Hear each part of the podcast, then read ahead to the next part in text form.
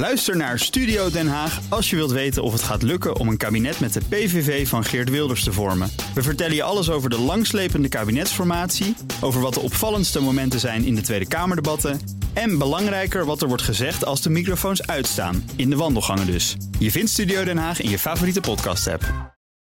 Dit is de Oekraïne Ochtend Update. Mijn naam is Geert-Jan Haan. En ik ben Bernard Hammelburg. We praten hierbij over de laatste ontwikkelingen in Oekraïne. En de gevolgen voor en de reacties van de buitenwereld. Je vindt deze podcast in je favoriete podcast-app. We gaan naar het belangrijkste nieuws over Oekraïne, de oorlog in Oekraïne, die de Russen daar hebben ontketend.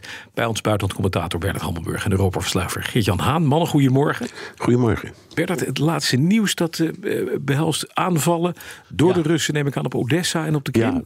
Ja, er zijn twee uh, berichten, allebei onbevestigd. Eén mm -hmm. um, is uh, dat er op een, of bij een vliegveld op de Krim Um, als ik het goed uitspreek bij Jan Hoy, uh, een uh, aanval is geweest door Oekraïnse uh, raketten of drones, dat weten we niet precies. Mm -hmm. en het tweede bericht is dat een aanval is geweest door Rusland op Odessa. Daar is dan ook een raket ingeslagen. Allebei nogmaals. Onbevestigd. onbevestigd ja. maar het wordt nogal op de internationale persbureaus met nogal veel nadruk gebracht. Ja, nou, we gaan daar ongetwijfeld later meer over horen. Eerst nog even over die andere raket die in, op de grens met Polen en Oekraïne terecht kwam een paar dagen geleden. Bernard Zelensky heeft vannacht weer gezegd: die raket komt niet uit Oekraïne. Biden heeft gezegd vannacht nog: uh, nou, wel degelijk. We hebben zelfs bewijs. Het is een S-300. Hij komt echt gewoon uit Oekraïne. Waarom blijft Zelensky dat volhouden? Ik, ik vermoed in de eerste plaats om binnenlandse redenen. Ja. Uh, ik, ik, denk dat hij het prettig vindt om te kunnen zeggen: wij doen dit soort dingen niet, wij maken dit soort fouten niet. Uh, onze krijgsmacht maakt dit soort fouten niet. De, dat is natuurlijk onzin, want dat soort fouten zijn nu eenmaal een, oor, een onderdeel van een oorlog. Ja. Uh, dus het is, wat dat betreft, dat was een barrage van zoveel raketten die op ze neerkwam. En er zijn zoveel, er zijn meer dan 70 raketten wel uit de lucht gehaald in die aanstormende barrage van Russische raketten. allemaal met dit soort uh, wapens. Mm -hmm. uh, en dat het af en toe misgaat, ja, dat kan. Ja. Uh, dus ik denk dat dat heel belangrijk is. Mm -hmm. En misschien wil hij ook de NAVO verder onder druk zetten om te zeggen: ja, hoe het ook zij, het is sowieso de, de schuld van Rusland dat dit allemaal gebeurt. Ja. En daar heeft hij natuurlijk een punt in. Ik vind het onverstandig ja. om zo koppig te zijn. En om al, hè, vooral de, de, de, manier waarop je erachter komt, dat blijkt dat alles, en Amerikanen zijn er heel goed in, is als je eenmaal de krater onderzoekt, dan kun je bijna alle antwoorden vinden. Het is een beetje zoals sexy naar iemand die is overleden. Mm. Op het moment dat je dat doet, dan weet je bijna alles. En de Amerikanen zei, zeggen, we zijn er echt 100% van overtuigd. Dit was gewoon die S-300 ja, uit Oekraïne. Ja, Tja. ja. Even Gert-Jan naar jou, want jij consumeert de hele week alleen maar Oekraïns nieuws. Hoe kijken ze daar van ook vanuit Oekraïne naar, naar deze opmerking van Zelensky? Ja, interessant dat Bernard zegt dat het voor binnenlandse consumptie bedoeld is. Misschien dat Zelensky dat in eerste instantie ook zo dacht. Alleen dat hij daar wel mogelijk uh, zijn hand een beetje mee overspeelt. Want ik heb het gevoel dat er op verschillende manieren in de Oekraïne wordt gekeken naar Zelensky en zijn opmerking. Mm -hmm. Terwijl het land eigenlijk de afgelopen maanden als één man achter hem stond. Dus er is iets van, van verdeeldheid. Um, Kijk, hij heeft gezegd, uh, nuance is belangrijk. Ik heb zijn hele gesprek met de Oekraïense uh, pers teruggekeken. Een uur en drie kwartier. Ik heb nog pijn in mijn ogen ervan. en hij zegt, het was niet onze raket en ik geloof mijn inlichtingen mensen. Dus hij zegt heel duidelijk, hij zegt maar één keertje... ik geloof en ik mag mijn eigen mening hebben dat het een Russische raket was. Ja. Um, en in een filmpje dat hij later die avond heeft opgenomen voor het volk... heeft hij het ook telkens over Russische agressie.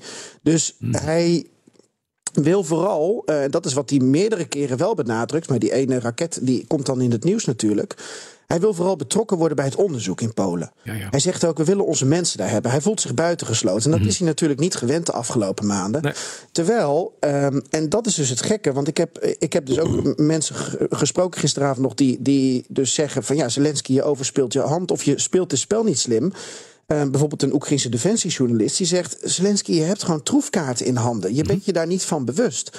Want zelfs als het een, een Oekraïnse luchtafweer was en iedereen prijst je daar nu om, um, dan geeft je dat de volgende troefkaarten. Eén, je kunt altijd zeggen dat je uh, de lucht hebt beschermd van Oekraïne en van Polen. En dus ook van de NAVO. We weten niet wat het doel van die Russische raket Nee, was. precies, ja. Twee, je hebt met hele oude Sovjet-raketten eh, lopen spelen. omdat je niks anders hebt. Dus pleit maar weer voor die nieuwe moderne westerse wapens. En drie, ehm, eh, zorg ervoor dat eh, eh, de NAVO, en volgens mij zijn die plannen er nu ook. dat die ehm, eh, hele goede luchtafweerapparatuur ook langs die grens met Oekraïne eh, plaatsen. En eh, nou ja, doe dan je lobby om misschien voor West-Oekraïne een deel ervan mee te pikken op een of andere manier. Maar eh, er zijn dus mensen die zeggen: je speelt het verkeerd. Ja, precies. Even naar een, een ander ding. Even Bernard, naar jou. Want een verhaal van Reuters. Dit jaar zijn er meer dan 400 Russische spionnen in Europa uitgezet. Meldt MI5, dat is de Britse spionagedienst.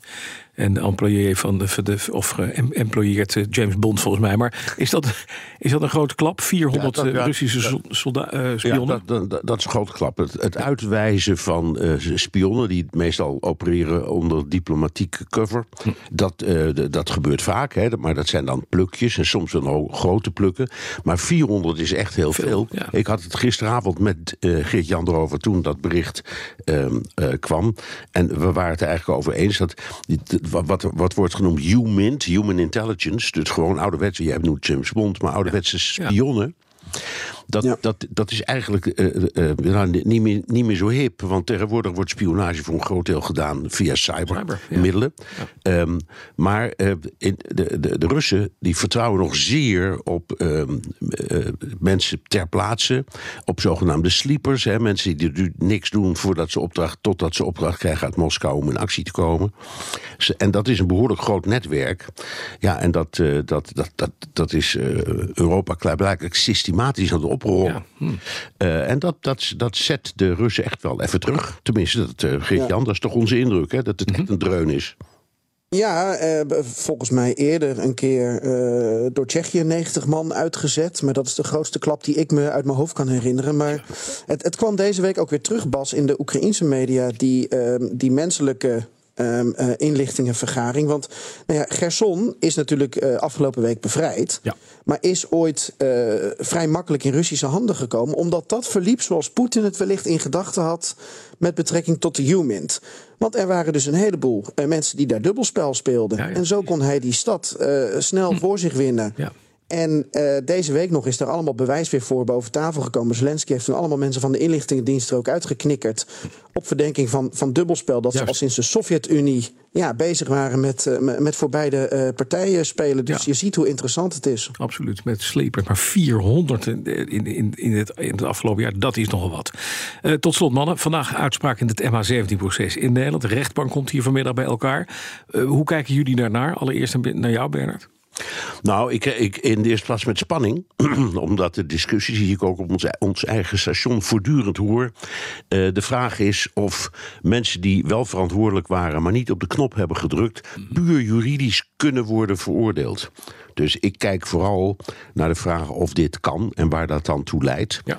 Ehm, dus het is, ik vind het juridisch vooral spannend. En het is in elk geval voor de nabestaanden ehm, een heel belangrijk eh, moment. En daar moeten we voortdurend aan denken. Hè. Ru- Rutte heeft geloof ik eh, alles gezegd. Behalve Oekraïners is het grootste aantal slachtoffers, buitenlandse slachtoffers in deze oorlog Nederlanders. Eh, en daar heeft hij gelijk in, want dit, dit, dit was op het moment dat eigenlijk die oorlog al was begonnen, in 2014. Dus zo kijk ik ernaar. Ehm ik ben ontzettend benieuwd. Nou, ik neem aan dat, dat, dat Geert-Jan vooral naar Oekraïnse media heeft gekeken. Ja. Dus ik, eh, ja, da- daar weet ik eigenlijk Nou, hoe die ja. erop- Geert-Jan. Maar misschien wel met hetzelfde idee. Namelijk dat het niet alleen om deze poppetjes gaat. Maar dat, dat we met z'n allen toch benieuwd zijn of eh, de rechter op een of andere manier. als hij iets over die po- eh, poppetjes zegt. of daarmee een link kan worden gelegd met. eh, of de boek daadwerkelijk vanuit Rusland is gekomen. op initiatief van Rusland. Eh, en van, van het Kremlin bijvoorbeeld. En er loopt nog een andere rechtszaak die Nederland volgens mij heeft aangespannen tegen de Russische staat. Europees ehm, eh, Hof voor de Rechten van de Mens in Straatsburg. Ehm, ja, die kunnen in elkaars verlengde gaan liggen. En daar kijken ze ook in de Oekraïne natuurlijk in spanning naar. Kun je de Russische staat daadwerkelijk voor iets aanklagen? Kun je het Kremlin aanklagen voor oorlogsmisdaden? Ook als daar misschien ehm, eh, niet 100% waterdicht bewijs voor is. Ehm, ja, dat is wel de spanning waar ze naar kijken. Dus, dus die is misschien wel vergelijkbaar. Bij BNR ben je altijd als eerste op de hoogte van het laatste nieuws. Luister dagelijks live via internet. Bas van Werven. En heel langzaam komt de zon op rond dit tijdstip. Je krijgt inzicht in de dag die komt op BNR, het Binnenhof in Nederland en de rest van de wereld. De Ochtendspits. Voor de beste start van je werkdag. Blijf scherp en mis niets.